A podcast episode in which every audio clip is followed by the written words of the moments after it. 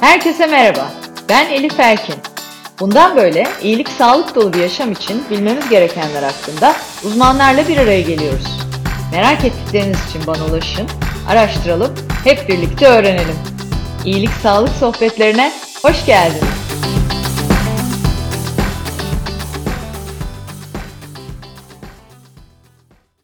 İyilik Sağlık Sohbetleri'nin yeni bölümüyle karşınızdayım. Bu bölümde konu Doktor Rezan Cezan. Sevgili Rezan, İyilik Sağlık Sohbetlerine hoş geldin. Hoş bulduk Elif. Nasılsın? İyiyim, sen nasılsın? Çok mutluyum seni burada ağırladığımız için. Çok teşekkür ederim ben de davet için. Ee, her zaman senin enerjin e, bana başka bir enerji veriyor. O yüzden ben ayrıca mutlu oldum. Karşılıklı biliyorsun zaten. Bugün Rezan'la bütünsel tıbba dair dop dolu bir sohbet gerçekleştireceğiz. Öncesinde her zaman olduğu gibi size konumu bir tanıtmak isterim.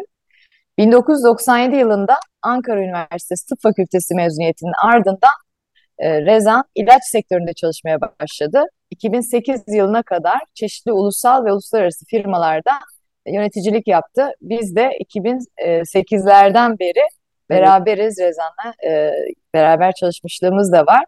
En Amerika... güzel çalıştığım dönemde bunu da belirtmek istedim. Evet çok keyifliydi. Çok, çok güzel işler yaptık değil mi? Hayranlı oldu biraz. Projelerimiz beraber beraber. Ee, ardından Amerika'da Vanderbilt Üniversitesi İşletme ve Bilgi Üniversitesi Reklam Eğitimleri sonrası bir sağlık iletişim ajansı olan Q Pharma World'u kurdu. Ee, o dönemlerde de yine beraber çalışmışlığımız var. Tabii bir doktorun önce ilaç sektöründe çalışması, sonra da bir ajans kurması gerçekten sektöre e, derin bir penetrasyon aslında. Ardından da e, kendi otoimmün hastalıklarını iyileştirme yolculuğunda bütünleyici tıp yöntemleriyle tanıştı. Life System fotobiyomodülasyon, nöral terapi, Doktor Rafael Nogier'den auriküloterapi ki bunu herkes benim kadar iyi telaffuz edemez diye Kesinlikle evet. Ve Doktor Michel Marian'dan postüroloji ve homeopati yöntemlerini kullanıyor. Yani yine bir konu ve yine çok uzun yıllar bir sektör tecrübesi ardından bambaşka bir yolculuğa çıkan bir e, hikaye dinleyeceğiz. 2017 yılından bu yana Rezan özel muayenehanesinde çalışmalarına devam ediyor. Tekrar hoş geldin. Ee, özgeçmişi kısaca anlattım ama oradaki bir detayı da e, sormak istiyorum.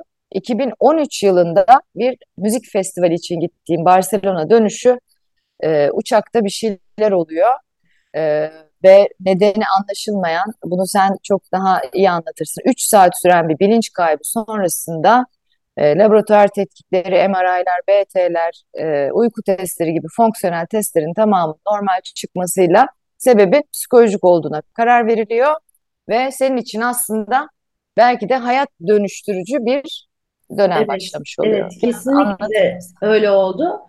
Ee, yani aslında tabii kronik hastalıklar böyle birdenbire olmuyor. Yani bunların e, bir geçmişi var. Ta doğduğumuz anne karnındaki andan başlıyor. Yani e, bizim integratif tıpta bir fıçı metaforu vardır.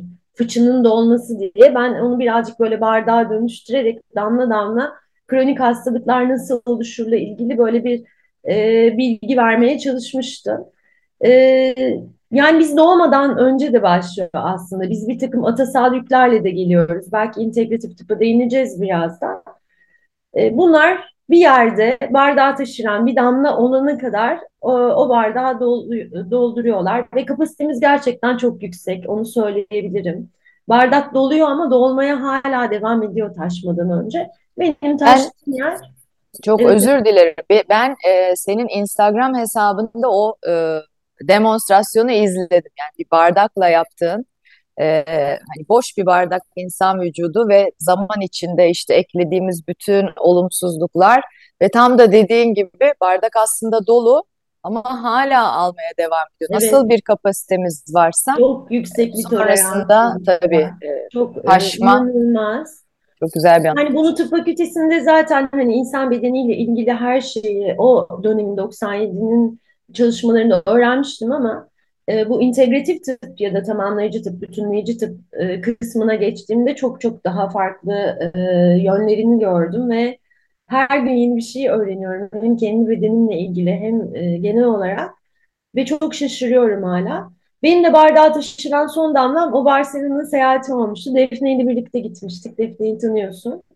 E, dönüşte uçakta en son inişe geçiyoruz. Anonsunu hatırlıyorum. Ondan sonrası bende yok. İşte e, havaalanının revirindeyim. Gözümü açtığımda kolumda serum var. Bütün testlerim normal çıkmış. Biraz şekerim yüksek. E, ama bir komalık şeker değil. E, on dediler ki psikolojik. Yani duygusal taraflarım vardır, mükemmeliyetçiyimdir, biraz seni tanıyorsun, e, oldurmaya çalışırım bazı şeyleri, zorlarım ama böyle psikolojik olarak e, çok etkilenecek bir yapımda yok. Tabii inanmadım buna. Daha sonra e, Acıbadem'de bu arada tesadüf eseri bütün tetkiklerim yapıldı ve her şey normal. Dediler ki onlar da psikoloji. O zaman e, ben de peki dedim. Çünkü o dönemde babamın bir rahatsızlığı olmuştu. Belki de buna çok canım sıkıldı. Olabilir. İşte e, psikiyatriste gidip gelmeye başladım ama o psikolojik olduğunu düşünmedi. İşte daha ileri tetkikler istedi. Onlar da yapıldı. Tomografiler, uyku testleri, EEG'ler. Yani hepsi normal çıkıyor. E, aslına bakarsan sonradan hani öğreniyorum bu tarafa geçtikten sonra magnezyum, izole magnezyum eksikliğim varmış ve magnezyum çok çok çok önemli bir mineral. E, sadece onun hücre içinde bakılması gerekiyor. Böyle bir triği var. O dönemlerde de bu hücre içinde bakılma yaygın olmadığı için bu aslında atlanmış oldu. E, kötü de olmadı. Beni şu an çok mutlu olduğum bu aşamaya getirdi aslında bakarsan. Fakat sonraki birkaç yılda e, Hashimoto eklendi. Bu bir otoimmün hastalık. Daha sonra hidradenitis suppurativa diye başka bir otoimmün hastalık eklendi. Bu da ter bezlerini hedef alıyor. Hani otoimmün hastalıklarda kabaca vücudumuz kendi hücresini tanımayıp saldırmaya çalışıyor. E, çocukluğumdan beri benim hiperaktivitem ve alerjik astımım zaten vardı. İşte üniversite yıllarında ona migren eklenmişti. Sonra bu iki e, otoimmün hastalıkla beraber beş otoimmün hastalığım olmuştu ve süreçte maalesef bir avuç içe, ilaç içer hale gelmiştim. Yataktan çıkmak çok istemiyordum. Gerçekten bütün enerjim bitmişti, tükenmişti. Ee, utanarak söylediğimde şöyle bir şey var. İşte beslenmeden pek anlamazdım. Tıp fakültesinde beslenme eğitimi maalesef yok. Benim de ilgi alanım hiçbir zaman olmadı. Hep pratik şeyler, belki hiperaktivitemin getirdiği özellik tercih ettim. Ee, az uyumakta çok övünürdüm. Hani günde 4 saat uyuyorum ve bu bana yetiyor. O yüzden de bu kadar çok şey yapabiliyorum e, diye söylemlerim şu an kulağımda. Ee, hep dışarıda yemek, hani böyle paketli gıdalar, bütün bunlar beni oralara taşıdı. Ee, ve bir gün işte şu an benim gibi tedavi eden bir hekime e, zorla aslında bir aile dostumuz aracılığıyla gönderildim. Ve daha bütüncül bir yaklaşımla e, bütün otoimmün hastalıklarım iyileşti. E, Harika. de evet İyileşti diyebiliyorsun. Evet, antikorlarım e, düzeldi. Bütün Harika. hani, testlerimi her zaman mutlaka zaten herhalde e, sağlıklı olmaya devam etmek için ne yapmamız gerekir de konuşuruz diye tahmin Tabii. ediyorum. Mutlaka tetkiklerimi yaptırıyorum. E, doktor randevularımı düzenli olarak yapıyorum. E, 4 yıl geçti sanırım hala iyiyim. Harika. Ne güzel. Ne güzel. Ee, işte aslında bu e, senin yine bardak anal analojinden hareketle o taşmadan yapılabilecek bir sürü şey olduğunu bilmek çok kritik. Otoimmün hastalıklarda e, ciddi bir artış var gibi sanki. Mesela Evet, çokça Hashimoto e, olan insan var etrafımda. E, hani otoimmün hastalıkların sebebi de belli mi yoksa hani sadece genetik mi? Eminim ki her bir hastalık için farklı durumlar vardır ama hani genel olarak rakamlarda biz bu artışı gördüğümüz için söylüyorum. Yani bir Çok fazla artış var. Ee, bunların en yani otoimmün hastalıkların temelde e, kaynaklandığı yer aslında bağırsaklar. Yani her şey bize bağırsağı işaret ediyor. Onun da daha derininde mitokondriyal disfonksiyon var. Yani mitokondri, hani belki biyoloji derslerinden hatırlarlar dinleyiciler, e, hücrelerimizin enerji üreten organelleri. Burada ATP üretiliyor. Bize enerji veren. Yani o zaten tükendiğinde e, biz de tükeniyoruz ve artık üretim kesildiğinde de ölüyoruz. Yani bu böyle bir şey. İşte mitokondriyal disfonksiyon, mitokondrinin iyi çalışamaması suçlanıyor. Burada da en en önemli şey aslında toksinler. Yani çok giderek çok fazla toksine maruz kalıyoruz. Onun dışında biraz geleneksel Çin tıbbının mantığı olacak ama bütünlüğümüzü bozan çok şey oluyor. İşte meridyen diye bir sistem var vücudumuzda geçen. Bu enerji akışımızın iletildiği kanallar diyelim. E, 12 tane artı 2 de ana meridyen olmak üzere temelde e, büyük 14 tane meridyen var ve enerji buradan akıyor. Şimdi 3000 yıl önce aslında Çinliler bunu bulmuşlar ama biz bugünün teknolojisiyle, yeni boyama teknikleriyle bu meridyenleri görebiliyoruz esasında. Çok ilginç bir şey. E, buradan yaşam gücü enerjimiz akıyor. Çi dedikleri e, tai yapanlar belki bilirler. E, yaşam gücü enerjisi akıyor. Şimdi bu üç tane enerji bu. Bir tanesi doğuştan getiriyoruz bunu. İşte genetik burada önemli. E, genetiğe de ama şöyle bakıyoruz artık. Yani bir silah gibi düşünelim genetiği, olumsuz taraflarını. Ee, çevresel faktörler bunun tetiği. Yani biz o tetiği çekmezsek, hani diğer kısımlarını iyileştirirsek eğer e, dış etkenlerin o silah patlamayacak. O yüzden genetik genelde otoimmün hastalıklarda yüzde beş gibi etkili olabiliyor. İkinci çiğ nefesle alıyoruz. Havadan gelen çiğ o. Nefes çok önemli. Üçüncü çiği de ağzımızdan alıyoruz. Yani dış, giriş yön, yönlerini düşünürsek e, aslında biraz açıklıyor. Besinlerle aldığımız çiğ. Yani biz bu üç konuya dikkat edersek zaten e, sağlıklı bir yaşam sürmemiz mümkün. Burada Evet. toksinlerden mutlaka bahsetmek lazım. Yani e, bağırsak sağlığından bahsetmek lazım. Bağırsaklarımız nelerden etkileniyor? Bir, e, anne nasıl doğduk? Yani sezaryenle mi dünyaya geldik e, yoksa e, normal doğumla mı dünyaya geldik? Bu çok önemli. Sezaryen konusunu burada şöyle e, söylemek istiyorum. Yani bu bir tercih. Bazen de zorunlu olarak böyle olmaktır. Bir sebeplerden dolayı böyle olmak durumunda. Yani burada pişmanlık duyulacak ya da e, suçlanılacak bir şey yok. E, bir kadın tercihen bunu yapabilir. E, Daha sonrasında bu bebeklerin desteklenmesi gerekiyor sadece. Eskiden bunlar bilinmiyordu. Şimdi daha farkındalığımız yüksek ve bir takım probiyotiklerle bebeklerdeki bu süreçleri daha iyi yönetebiliyoruz bağışıklıkları gelişsin diye. Ben de sezaryenle doğumlar yapmış biri olarak hemen sormam lazım. Nasıl bir etkisi oluyor? Yani sezaryen doğumla normal doğumda bağırsaktaki etkilenmenin farkı. Şöyle e, normal doğumla e, doğan bir bebek annenin e, vajinal kanalından geçerken annenin florasına, mikrobiyotasına, yararlı bakterilerine e, hem deri yoluyla hem ağzından hem nefesiyle e, karşılaşıyor. Bunları tohum gibi düşünelim. Böylece o tohumlar bebeğin bağırsaklarında ya- yaşarmaya başlıyor ileriki dönemde. Ama sezaryenle doğum yaptığında işte onu tutan hemşirenin, doktorun ya da hastane ortamının florasına maruz kalıyor. Dolayısıyla başka türlü bir flora, mikrobiyota gelişmeye başlıyor. E, bu da onun sağlığı için yeterli bir e, mikrobiyota oluşturmuyor. O yüzden böyle bir durumda dışarıdan destekleyebiliriz. Şimdi sezaryenle doğum yapan kadına ne oluyor? Sezaryen kesisi birçok meridyeni birden etkiliyor. Biraz önce söyledim. Yani yaşam gücü enerjimizin aktığı meridyenler bunlar.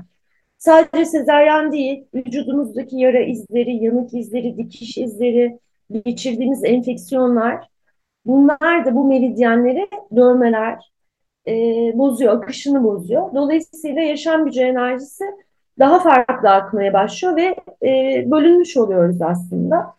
Olduğu yere göre farklı etkiler sağlanıyor. Sezaryen izinin etkilediği yer daha çok tiroid oluyor. Bir çalışma yapılmış.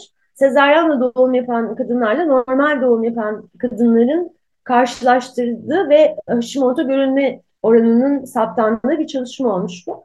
Sezaryenle doğum yapan kadınlarda e, Hashimoto görünme riski çok daha yüksek çıkmış anlamlı olarak e, yüksek. E, neden? Ne fark var? Doğumda çok da bir fark yok aslında bakarsınız ama o e, kesisi birçok şeyi etkileyebiliyor. Burada ne yapılabilir? Onu da söyleyeyim yeri gelmişken. Nöral terapi diye bir yöntem var. Prokain enjeksiyonu yapıyoruz. Prokain diş hekimlerinin dişi uyuşturmak için kullandıkları bir lokal anestezik aslında. Bunu biz birazcık daha dilüye ederek, sulandırarak e, daha düşük dozlarda elde edilen uyarıcı etkisinden faydalanıyoruz. Bu hücrelerin zarında bir aksiyon potansiyeli yaratıyor ve tekrar eskisi gibi elektrik üretmelerini sağlıyor. Yani bu da e, çok zor bir yöntem değil, çok kolay ulaşılabilir bir yöntem. Sezaryenle doğum yapanlar da e, üzülmesinler. E, eğer bir de Hashimoto varsa mutlaka bunu yaptırsınlar. Bir diğer konu bebeğin anne sütü alması. E, bu da bağışıklığımızı çok destekleyen e, bir durum. E, onun dışında benim çocukluğumda çok yaygın bir enfeksiyon olan A grubu beta hemolitik strep, e, streptokok enfeksiyonu. Hani kısaca beta dediğimiz enfeksiyon çok yaygındı. Bunun da tedavisi antibiyotik biliyorsunuz. Çok fazla antibiyotik kullandım ben. E, o dönemlerde akılcı antibiyotik ya da akılcı ilaç kullanımı diye bir kavram da pek yoktu. Hatta bir ayda bir e, kalçadan iğneleri olurdu ve 20 yaşına kadar bunları yaptırmıştım. Ne yapıyor bunlar da? Sadece zar yara, zararlı bakterileri değil, e, bize faydalı olan, bağışıklık sistemimizi destekleyen, sindirimimizi e, kolaylaştıran, hatta zihnimizi bile, çünkü psikobiyotik diyoruz artık, psikolojimizi düzenleyenleri de var bunların arasında, bu yararlı bakteriler arasında. Bunları da öldürüyor. Dolayısıyla bağışıklık sistemimizde zarar görmeye başlıyor. Ee, onun dışında maruz kaldığımız toksinler, bunlar çok önemli e, bağırsak hücrelerimizde. Ee, mesela egzoz dumanından kurşun havaya karışıyor. Balıklarda artık civa var. İşte makyaj malzemelerinde kurşun var, boyalarda kurşun var. E, sigarada kadmiyum gibi başka ağır metaller var. İlk, e, amalgam dolgu var dişlerimizde, siyah dolgu. Bunun içinde civa var. Ee, burada şöyle bir şey söyleyeyim yani bir çalışma yapmışlar yine ortalama bir e, yıl, hayatı boyunca bir kadın bir buçuk kilo ruj yiyormuş ve onun içinde de kurşun var. Ee, bunlar birikiyorlar bizim hücrelerimizde. Biz bunları atamıyoruz çünkü özel yöntemler gerekiyor işte yosunlar, alpler, kişniş gibi. Günlük e, beslenme planımızda yani Akdeniz tipi beslenmede bunlar çok olmadığı için de birikiyor. Başka bir sürü toksin var. Mesela hani ilginç olanlarını söyleyeyim. Kasa fişlerinin arkasında kısen e, östrojen benzeri bir hormon benzeri e, davranan boyalar var mesela. Kısen östrojen diyoruz bunlara. Bu da birçok şeye etkiliyor. Ee, östrojen e, hakimiyeti işte ne kadar erken menopoz görmeye başladık. Çok genç yaşta menopoz olmaya başladı kadınlar. İşte erkeklerde ciddi bir erektil disfonksiyon ve e, testosteron azlığının libido azalmasını görmeye başladı.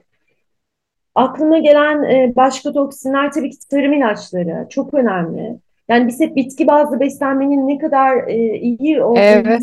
söylüyoruz ama son zamanlarda şöyle bir şey olmaya başladı. Toprakta da bu tarım ilaçlarından dolayı, böcek öldürücülerden, pestisitlerden dolayı o kadar çok kayıp oldu ki artık bitkiler de e, dönüştürebilmek için toprakta ne varsa onu kullanıyor ve ağır metal var. Hani bitki yediğimizde onlar da bizim için ne yapacağımızı açıkçası şaşırmış durumdayız. E, radyasyon var. Bunlar hep bağırsak sağlığımızı bozuyor ve otoimmüniteyi artırıyor. Çünkü bağırsak sızdırmaya başlıyor. Normalde bağırsak hücrelerimiz birbirine çok yakın, böyle kilitli gibi yan yana ve sızdırmaz bir bariyer oluştururken işte toksin yükü arttığında artık burası sızdırır hale geliyor. Geçirgen hale geliyor. Geçirdiği yerde kan. İşte kanda da e, hücrelerimiz, bağışıklık hücrelerimiz hepsi etkileniyor ve otoimmün hastalıklar olmaya başlıyor. Fibromiyalji mesela bir otoimmün hastalık. İşte diyabetin artık otoimmün olabileceğini düşünüyoruz. Erişkin tipi hiperaktivite çok yaygın. Bu da otoimmün bir hastalık. İşte nörodejeneratif hastalıklar çok artmaya başladı. MS gibi, Parkinson gibi. Çok, Alzheimer evet. çok erken yaşlara e, çekilmeye başladı. Demans aynı şekilde öyle.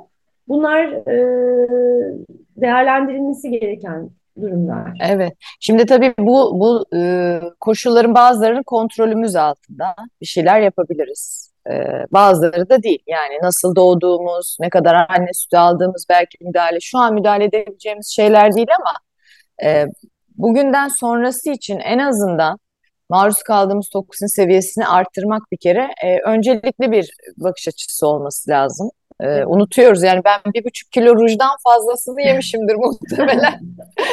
Şimdi kara kara onu düşünüyorum. Yok, şöyle ruj yemeyelim demek değil bu tabii, Tabii, ki. tabii. Organik olanlar var Evet, şimdi. Burada Evet yani hassasiyet göstermemiz gerekiyor. E, şey de çok ironik tabii gerçekten daha bitkisel beslenelim istiyoruz daha sağlıklı olmak için. Ama işte o tarafta da ne kadar tarım ilacına maruz kalıyoruz. Eve aldıklarımızda belki yine nispeten kontrol ediyoruz, zannediyoruz ama hani e, dışarıda yediklerimizde.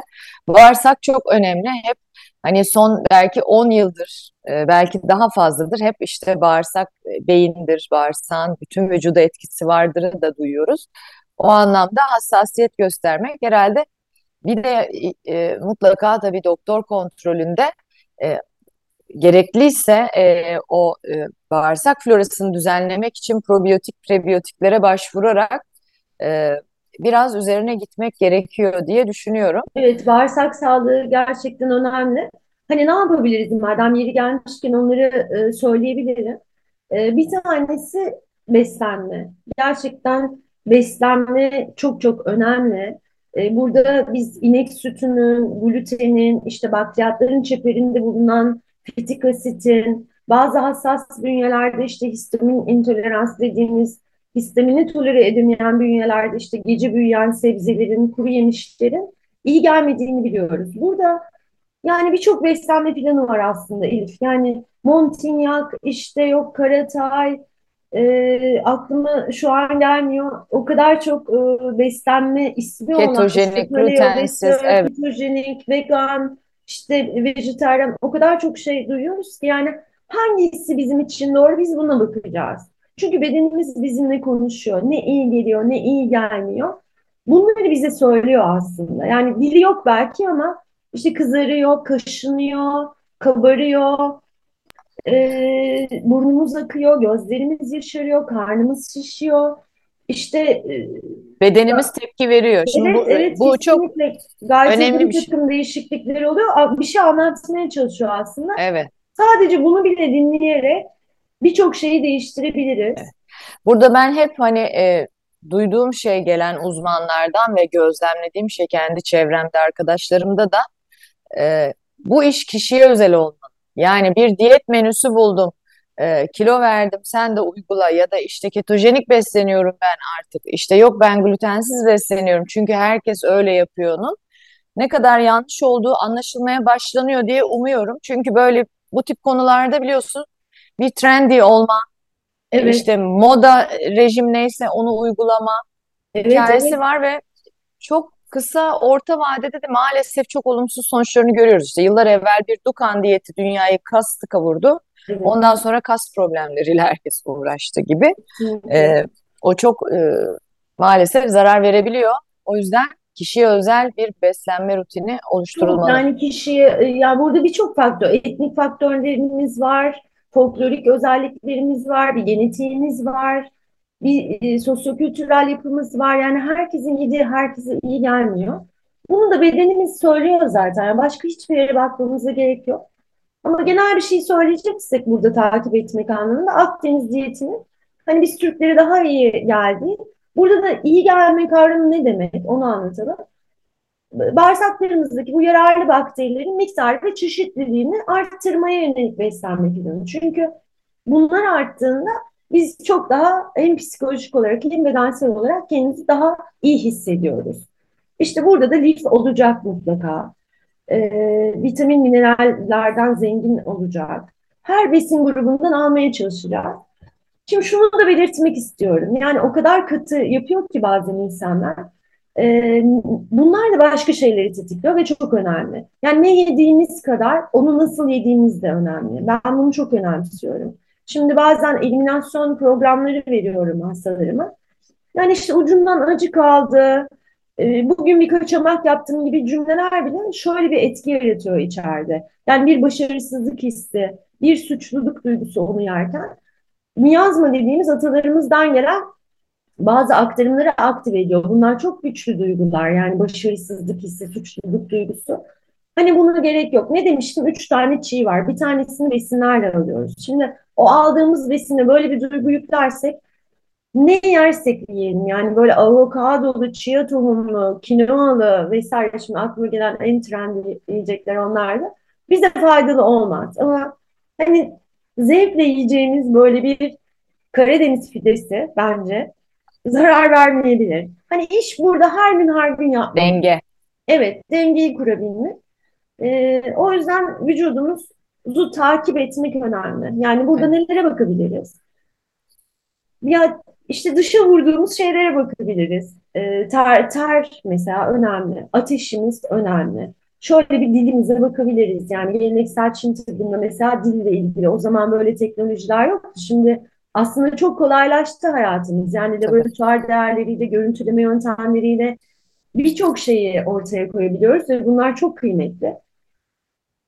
İşte dilimize bakabiliriz, ne bileyim idrarımıza bakabiliriz. Sabah ilk idrarımızın e, light bira renginde olması lazım. Hani bu birazcık da koyuysa hani yeteri kadar su içmemişiz demek bir gün önce. Belki o gün buna dikkat edebiliriz. Evet. Onun dışında işte e, kakamıza bakabiliriz. Bunu nasıl söyleyeceğimi bilemedim ama çok çok e, önemli bilgiler veriyor. Yani onun rengi, kokusu, kıvamı, ne kadar çıktığımız, nasıl çıktığımız. Yani günde bir ya da iki kere zorlanmadan e, yaptığımız bir e. Aktivite. Evet, bir aktivite çok güzel söyledin. Bizim için e, sağlığımızın önemli göstergelerinden bir tanesi.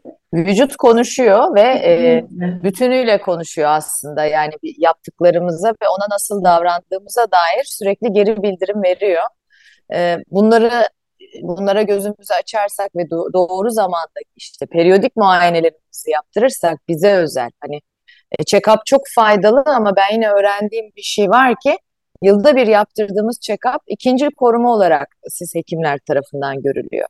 Hı hı. Aslında yaptırmamız gereken kendi genetik yapımıza, kendi geçmiş hastalıklarımıza ya da mevcut durumumuza göre e, bize özel periyotlarda ne bileyim işte senin 6 ayda bir D vitamini bakman lazım, belki baktırman lazım da benim yılda bir bunu takip etmem yeterli gibi E, çok kritik. İntegratif tıp her geçen gün daha fazla konuşulur oldu işte bütünsel tıp, bütünleyici tıp, tamamlayıcı tıp çünkü bir şeylerin tamamlaması gerektiğini de hepimiz yaşıyoruz, hissediyoruz. Hı hı. E, burada e, zihinsel, ruhsal, bedensel, çevresel, genetik, sosyal her alanda iyi Evet. olma halinin peşindeyiz hepimiz ve e, sizin de bakış açınız tamamen aslında tüm faktörleri e, irdeleyerek bunu e, yönetmemize yardımcı olmak o anlamda da çok kıymetli. Bağırsak sağlık konuştuğumuzda hani onuncu kelimede hani ilk üçte belki gelir çoğu zaman ama hani gelmedi ilk 10 konu arasında mutlaka karşımıza çıkıyor. Son dönemde çok konuşulan, çok duyduğum ee, ve önemsediğim e, yine e, konulardan biri de uyku.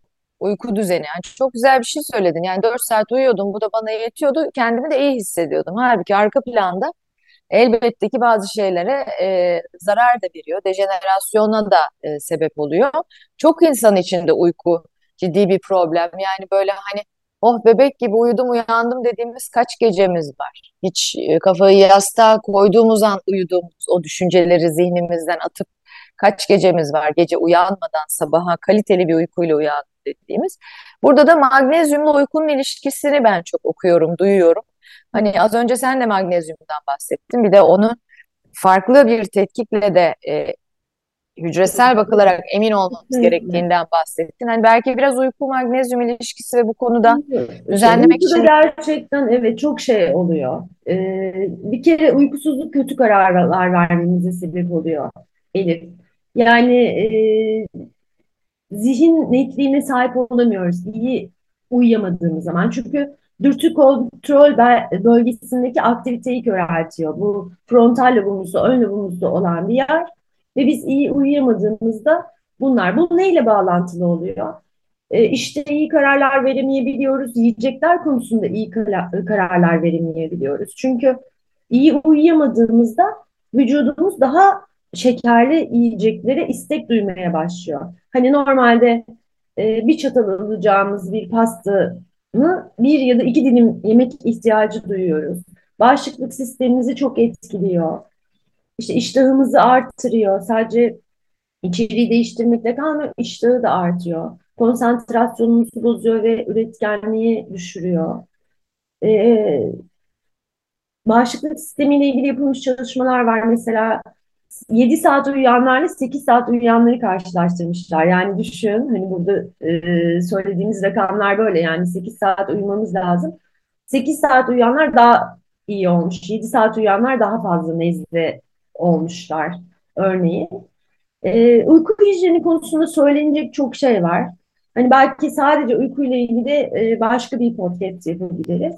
Evet, E, ayrı ama bir seans da yapmamız ilişkisi lazım. İlişkisini e, belki şimdi Evet, tanımlayabiliriz. şimdi magnezyumla ilişkisi. Magnezyum çok önemli bir mineral ve 300'den fazla biyokimyasal e, reaksiyonu yönetiyor aslında. Yani protein sentezinden tutun nöron sinirlerimizin fonksiyonunun düzenlenmesine, işte şeker metabolizmasına, ATP üretimine kadar çok görevi, görevi var. Temel olarak gevşemekle ilgili bir mineral diyebilirim. Bu birçok şeyi anlatıyor aslında bakarsanız. Neler gevşemeye ihtiyaç duyuyor? Mesela kaslarımız, zihnimiz, damarlarımız, bağırsaklarımız değil mi? Yani bunlar gevşemeye ihtiyaç duyan organlar mesela daha yukarıdan bakacaksak. Örneğin kabızlık problemi varsa magnezyum büyük ihtimalle eksiktir. Ya da bir hipertansiyonu olan bir kişide mutlaka magnezyum olmalı.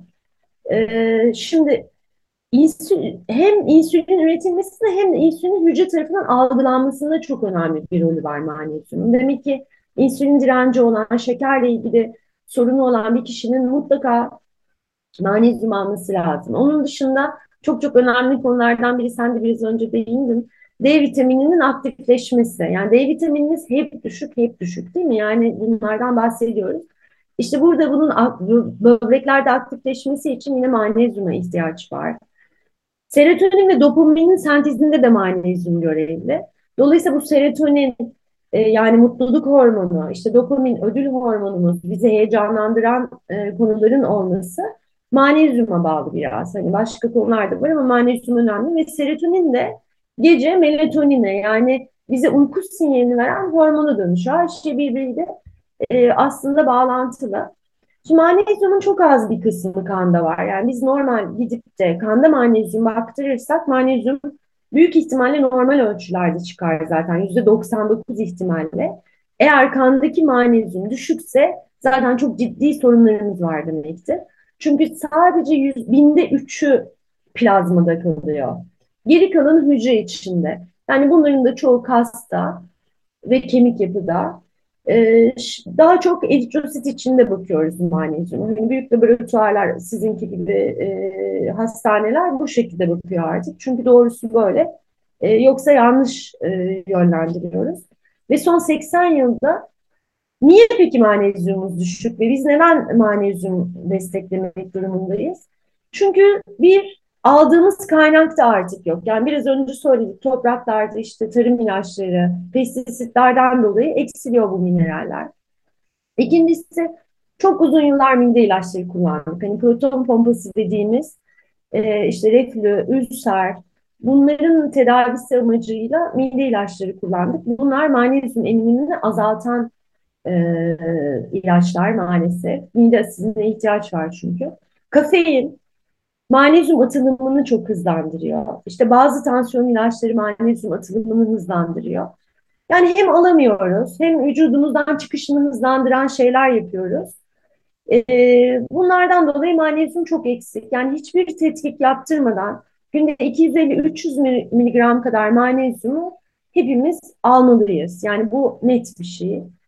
Ee, nasıl peki alabiliriz? Bir sürü çeşidi var. Belki bundan bahsedebiliriz. Uyku söz konusu olduğunda bisglisinat formu var. Glisinat formu. Glisinat bir protein ve e, biraz gevşememizde e, daha fazla etkili olmasını sağlıyor magnezyumun. İşte hücre içine daha iyi girmesini sağlıyor. Eğer biraz stresliysek, anksiyetemiz varsa, uyku sorunları yaşıyorsak e, glisinat formundaki bir magnezyumu tercih edebiliriz. Vücudumuzun genelinde çalışan sitrat var, e, magnezyum sitrat. E, bunu kullanabiliriz. Bu bağırsaklarımızın da e, çalışmasını etkili olur. Onun dışında malat var. Bu da enerji veren bir magnezyum formu.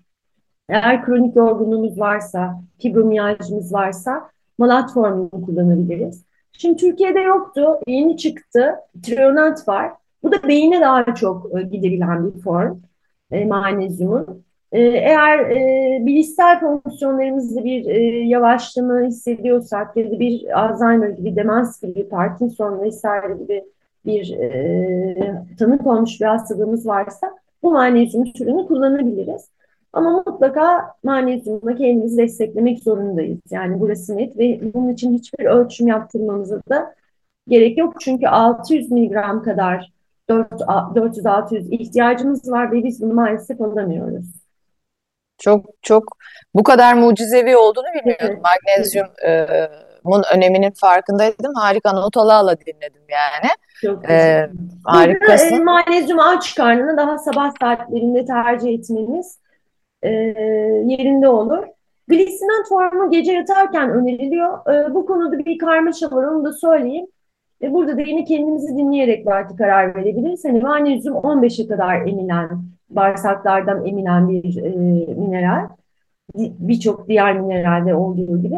E, gece eğer iyi hissettirmiyorsa sabaha alabilirsiniz. Evet. Ya da gece e, daha cildi sürülen e, versiyonlar, magnezyum yağları var. Bunlar tercih edilebilir.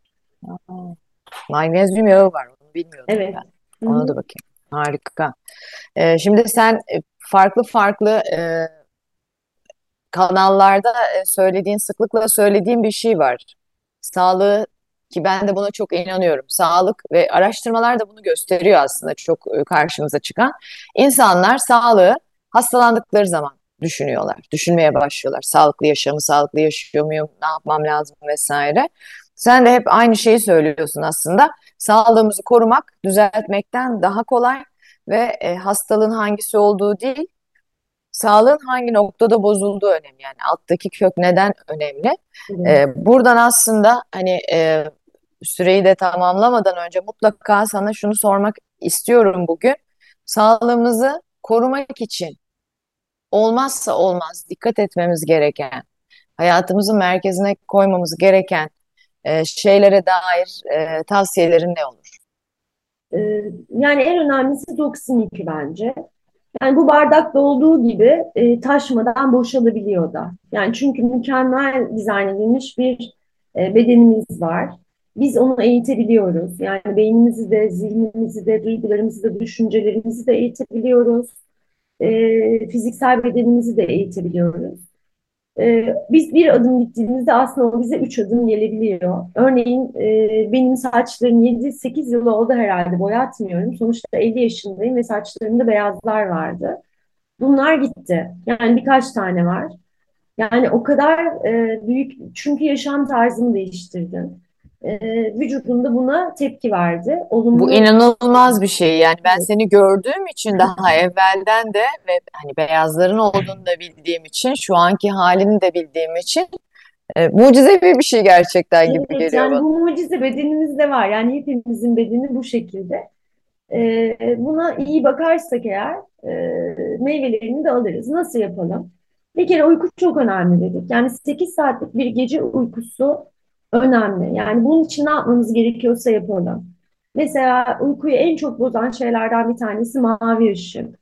İşte geceleri elimizdeki telefon, izlediğimiz televizyon, bilgisayar karşısında olmak melatonin salınımını bozuyor. Yapmayalım mı? Yani eğer mümkünse yapmayalım. Yatak odamıza almayalım. Akşam belli bir saatten sonra elimize almayalım. Ama yok mecbur muyuz? Hani bunun da çözümünü getirmişler. İşte mavi ekran filtreli gözlükler var ya da artık cep telefonlarımızda e, gece modu var. Kırmızıya alıyor telefonun ekranını. Bunları araştıralım, bakalım. Yani bu bizim sağlığımız için geçer, gerekli. E, onun dışında beslenme çok önemli. Temiz beslenelim. Bize iyi gelen şeyleri yiyelim. Yani bunun zamanlaması iki öğünlü beslenelim, üç öğünlü beslenelim, işte kahvaltıyı atlayalım mı? Yani bunların cevapları da hepimizde var aslında. Hani neye güveniyorsak, içimiz neye kabul ediyorsa bir akımı e, takipte edebiliriz ama bedenimizi dinlemek burada bana daha mantıklı geliyor. E, kahvaltı etmemek ihtiyacı aslında karaciğerde bir sorun olduğunu gösteriyor bize. Yani bizim sabah kalktığımız zaman acıkmış olmamız ve kahvaltı ediyor olmamız lazım örneğin. E, mümkünse her şeyin temiz içerikli olanını almaya çalışalım. Çünkü paketli gıda dediğimiz şeyin içerisinde koruyucu olmak zorunda. Çünkü raf ömrünün uzun olması lazım. Bunun içinde antibiyotik benzeri sular konuyor. O yüzden mümkün olduğu kadar pazardan, işte açık e, gıdalardan almak bizim için en iyisi. Her şeyden yemek, renkli biraz beslenmek, işte morlar, yeşiller birazcık daha antioksidan yani bu daha önce birikmiş olan toksinleri atmaya yönelik gıdalar. Bunları tercih edebiliriz. Proteinimizi mutlaka alalım. Bu hayvansal kaynaklı olabilir, bitkisel kaynaklı olabilir. Ee, egzersiz çok çok çok önemli. Ne yapabiliyorsak, yani gidip bir spor salonuna üye olup yani düzenli spor yapmak herkesin imkanı olan şey değil. Yürümek, yani toplu taşım kullanıyorsak bir durak önce inmek ve o yolu yürüyerek gitmek. Evin içinde de çok alternatifimiz var artık. YouTube'da bir sürü e, videolar var, walk at home vesaire. Yani ne yapabiliyorsak bu bizim sağlığımız için. Çünkü kas kuvvetiyle mutluluk arasında yapılmış çalışmalar var. Bunlar birbiriyle e, korele. Kas kuvvetimiz ne kadar yüksekse depresyona girme ihtimalimiz o kadar düşük bulunmuş.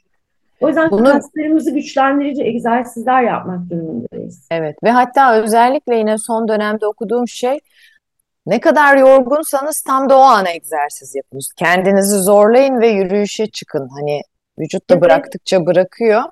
E, Ben de her spor yaptıktan sonra e, o yanaklar alal olduğunda ya da böyle bir hani yorgunluk olduğunda gerçekten daha iyi hissediyorum. Zaten salgılanan hormonlar da bunu bütün çalışmalar artık bin yıldır e, destekliyor. Evet, çok Nefes çok kıymetli. önemli. Bundan da Nefes. bahsetmemiz lazım. Bir Tabii. kere e, ters nefes alıyoruz. Yani nefes tutuyoruz. Yüzeysel nefes alıyoruz. Normalde derin bir nefes aldığımızda diyaframımızın e, iç organlarımızı, bağırsaklarımızı ve altındaki organları, karaciğer, dalak aşağı itmesi ve karnımızı bir şişlik oluşturması lazım. E, dinleyen herkes şimdi derin bir nefes alsın. Bakalım nasıl oluyor. Çoğumuz karnımızı içeri çekiyoruz derin nefes alırken. Bu ters bir nefes.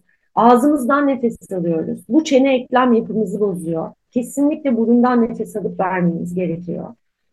E, çok yüzeysel nefes alıyoruz. İşte bunlar için Tree Flow e, denen üç toplu böyle bir e, çok basit her yerde bulunan e, ekonomik de bir şey var. E, plastik bir cihaz var. Bununla egzersiz yapabiliriz. Ne kadar yapabiliyorsak. Örneğin ben rutinleri hayatına çok katabilen biri değilim. E, ne yapıyorum? Alış ama bu da önemli biliyorum. İşte gün içerisinde hastalarıma anlatıyorum. Anlatırken kendim de egzersizini yapıyorum. Yani bir şeyi rutine sokamıyorsak, alışkanlık haline getiremiyorsak bunun en iyi yöntemi yaptığımız başka bir şeyin içerisine dahil etmek. Hani kendimiz için bu yolları bulabiliriz. Ee, su, su çok önemli. Yani burada ölçüler var. Hani bunun kitabi bilgisi her 25 kilogram için bir litre. Eğer özel bir durumumuz yoksa kalbimizde ve böbreklerimizde böyle bir oran var. Hani saat başı bir bardak gibi bir şeye denk geliyor. Ama en önemli ölçü dediğim gibi idrarımız, sabah ilk idrarımız açık bir renk değilse, yani e, light bir renginde değilse, daha koyuysa e, fazla içeceğiz suyu o gün. Daha açıksa yani su rengindeyse de çok fazla içmişiz demek. Bu da doğru değil. Mineral kaybetmişiz demek. Birazcık daha su tüketimimize dikkat etmemiz lazım. Kesinlikle burada da bir dengeden bahsetmiş oluyoruz yine. Ee, onun dışında yani toksik hayat derken sadece ağzımızdan giren e, toksinleri kastetmiyorum ya da cildimize değen toksinleri kastetmiyorum. Toksik insanlar var etrafımızda. Bize iyi gelmeyen, bir türlü bırakamadığımız, bu arkadaşlarımız olabilir, aile fertleri olabilir. Ee, buralara birazcık bakmak gerekiyor. Yani mesafe koymak gerekiyor. Çünkü sosyal hayat çok önemli. Sosyal hayattaki mutluluk çok önemli. Hatta Roseto diye bir kasabada yapılmış bir çalışma var. Bu insanlar çok kötü besleniyorlar, sigara içiyorlar, işte böyle yağlı yağlı etler yiyorlar, barbeküde pişmiş. Ee, ama hiç kalp ve damar hastalığı bulunmamış, ani ölüm yok. Neden diye araştırıldığında Bu küçük bir İtalyan kasabası Amerika'da. Birbirleriyle böyle ayaküstü İtalyanca konuşabilmek için e, çaba gösteriyorlar. İşte bu kasabada 2000 kişilik bir kasabaydı yanlış hatırlamıyorsam. 200 tane sosyal sorumluluk kuruluşu var.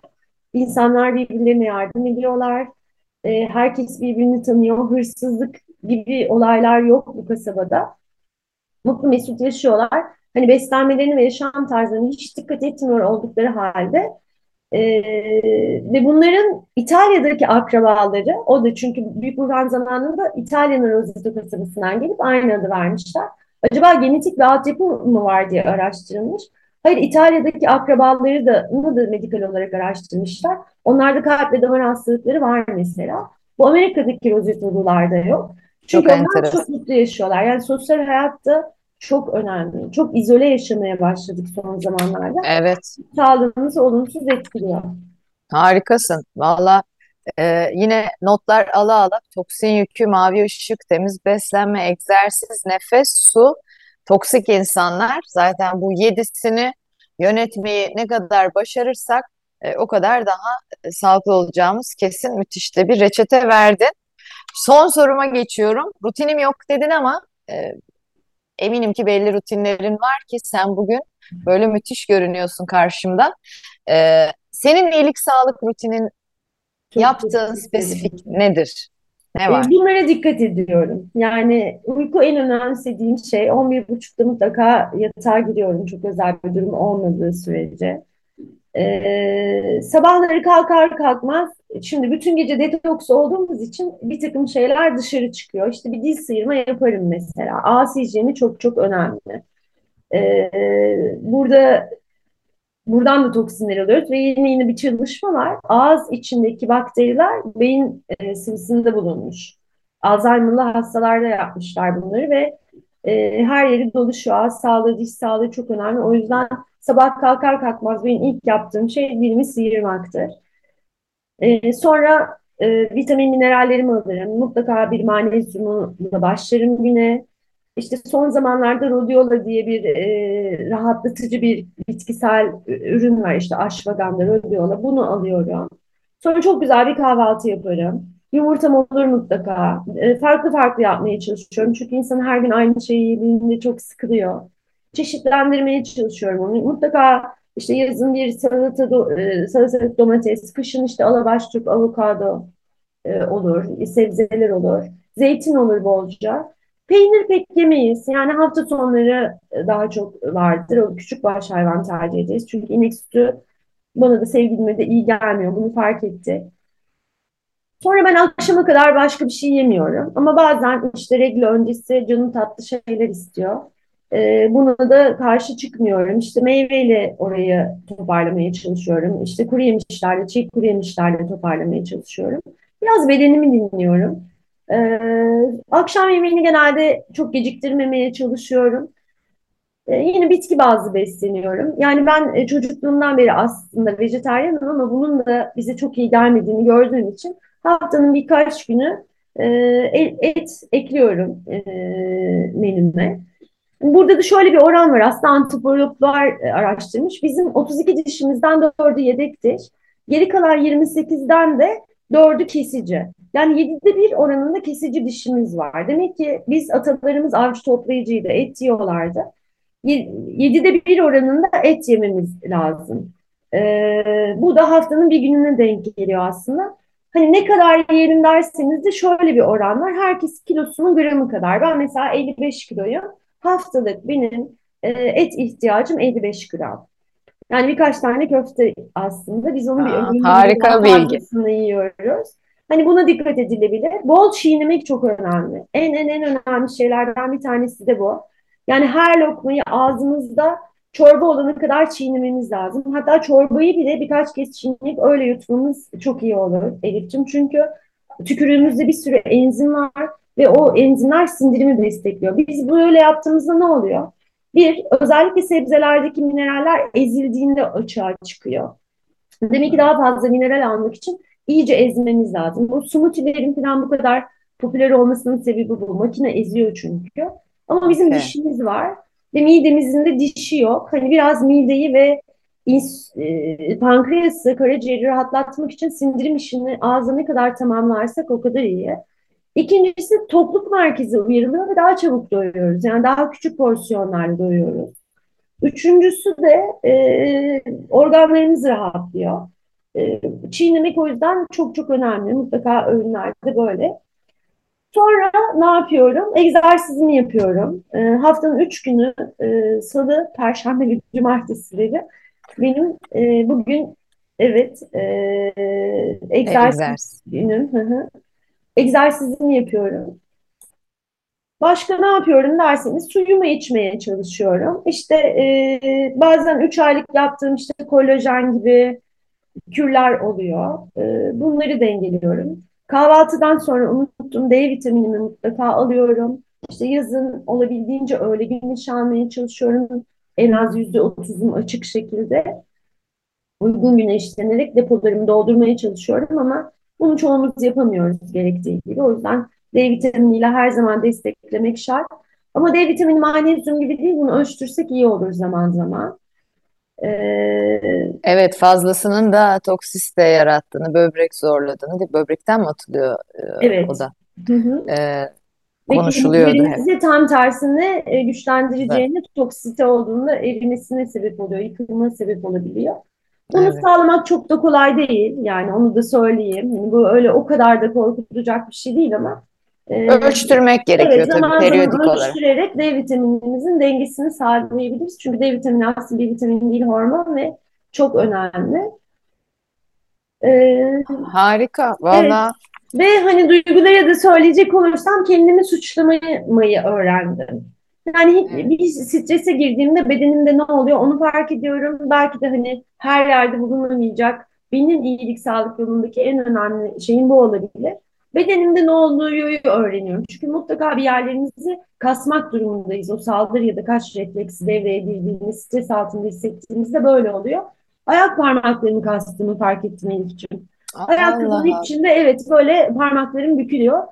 Şimdi fiziksel bir şeyden onu görmek çok kolay. Ben ayak parmaklarımı kastığımda diyorum ki şu an bir strese giriyorum. Çünkü karşılanmamış bir ihtiyacım var ve onu anlamaya çalışıyorum. Evet. Hani kendimi yargılamadan yani diyelim ki öfkelendim ve birine sesim yükseldi. İnsanın böyle şeyler olabiliyor.